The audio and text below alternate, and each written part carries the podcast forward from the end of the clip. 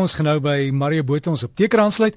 Onthou, praat ook asseblief met jou dokter en jy kan ook gaan raad vra by jou apteker.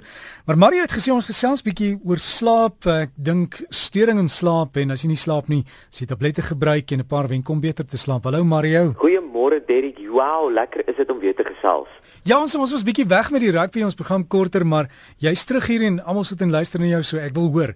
Mense sukkel baie keer om te slaap, né? Nee? Mense sukkel regtig om te slaap en hulle sê deesdae word die kroniese gebrek aan slaap word die siekte van ons tyd genoem.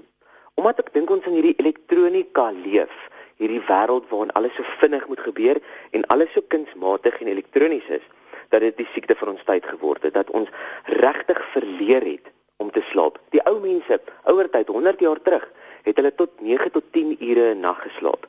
Ons deesdae doen dit in 6 tot 7.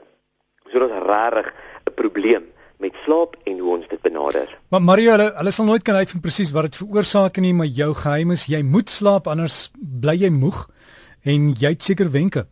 Ja, ek het nog 'n paar wenke en dit is interessant, Erik. Na 17 uur se gebrek aan slaap is jou reaksie vermoë die van iemand wat 2 glase wyn gedrink het. Dis baie interessant. So jy kry regtig eintlik hierdie dronkmens sindroom as jy 'n gebrek aan slaap het. So kom ons kyk gou na 'n paar wenke.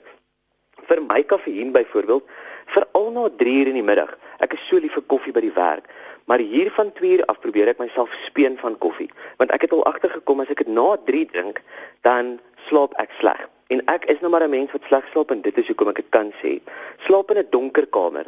Baie van ons wil nie noodwendig ons kamers te donker hê nie, maar hulle het bewys dat hoe donkerder die kamer is, hoe beter slaap ons. Dan slaap ek in 'n kamer wat meer koel as warm is. Lees boek. Party mense sê lees regtig sommer 'n vervelige boek want dit maak jou baie moeg en jy gaan regtig vinnig aan die slaap raak. Moenie te laat werk nie. Ons is so geneig om dadelik op te staan van 'n lesenaar omdat ons by die huis gewerk het en dan dadelik in die bed wil gaan klim en dit is regtig sonde vir 'n goeie slaappatroon. Moenie TV kyk in die slaapkamer nie. Onthou die slaapkamer is daar vir slaap. So moenie TV daar kyk nie. Moenie eet in die bed nie. Hulle sê ook dit gaan nie net oor om te eet in die bed en nou doen jy ander dinge in die slaapkamer nie, maar ook die krummels wat dan in die bed val kan jou wakker hou. So moenie eet nie. Vermy oormatige alkohol. Baie belangrik. Onthou ons drink alkohol in die aande, 'n glasie wyn is goed, maar moenie vir 3 tot 4 gaan nie, want deur die nag gaan dit jou verseker weer wakker maak. En dan vermy om met slimfone en tablette te werk of te lees of speletjies te speel. As jy van hierdie goeders gaan doen, gaan jy sien dat jy regtig 'n beter slaap gaan hê in deur die nag, goeie slaap gaan hê, kwaliteit slaap gaan hê en en dan sien jy regtig net verfris en beter opstaan môreoggend. Is dit so maklik?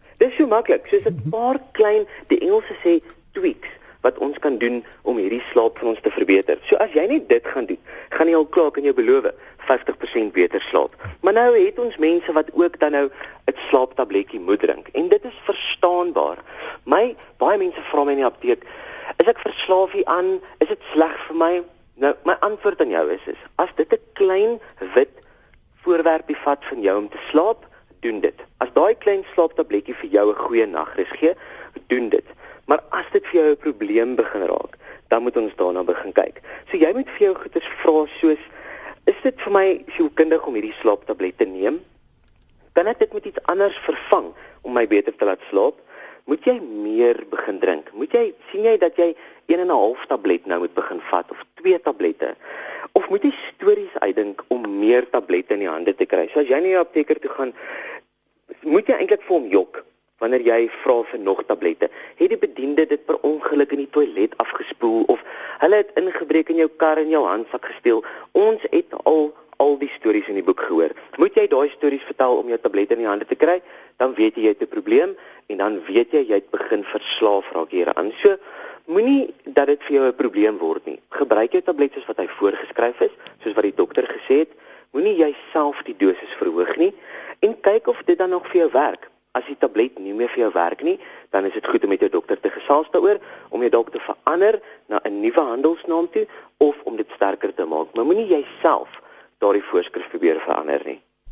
Maar jy die beste raad dan is praat met jou dokter, praat met jou apteker en wees versigtig, anders verander net jou rotine en oefen so bietjie dan slaap jy ook beter. Jy sien, as ons onsself kan uitput deur die dag, dit, as ons 'n bietjie harder kan werk, bietjie meer gaan oefen, gesonder eet, gesonde gewoontes beoefen deur die dag, dan sal ons moer wees in die aand. En dit is dan baie baie goed vir so 'n nag, ek wil sê siklus of patroon. Ander mense het op my blad gesê, kry vir jou rotine in die nag. Kry vir jou 'n rotine waar jy gesig was, dan tandeborsel, dan 'n lekker glas water drink, klim in die bed, lees jou boek en raak aan die slaap.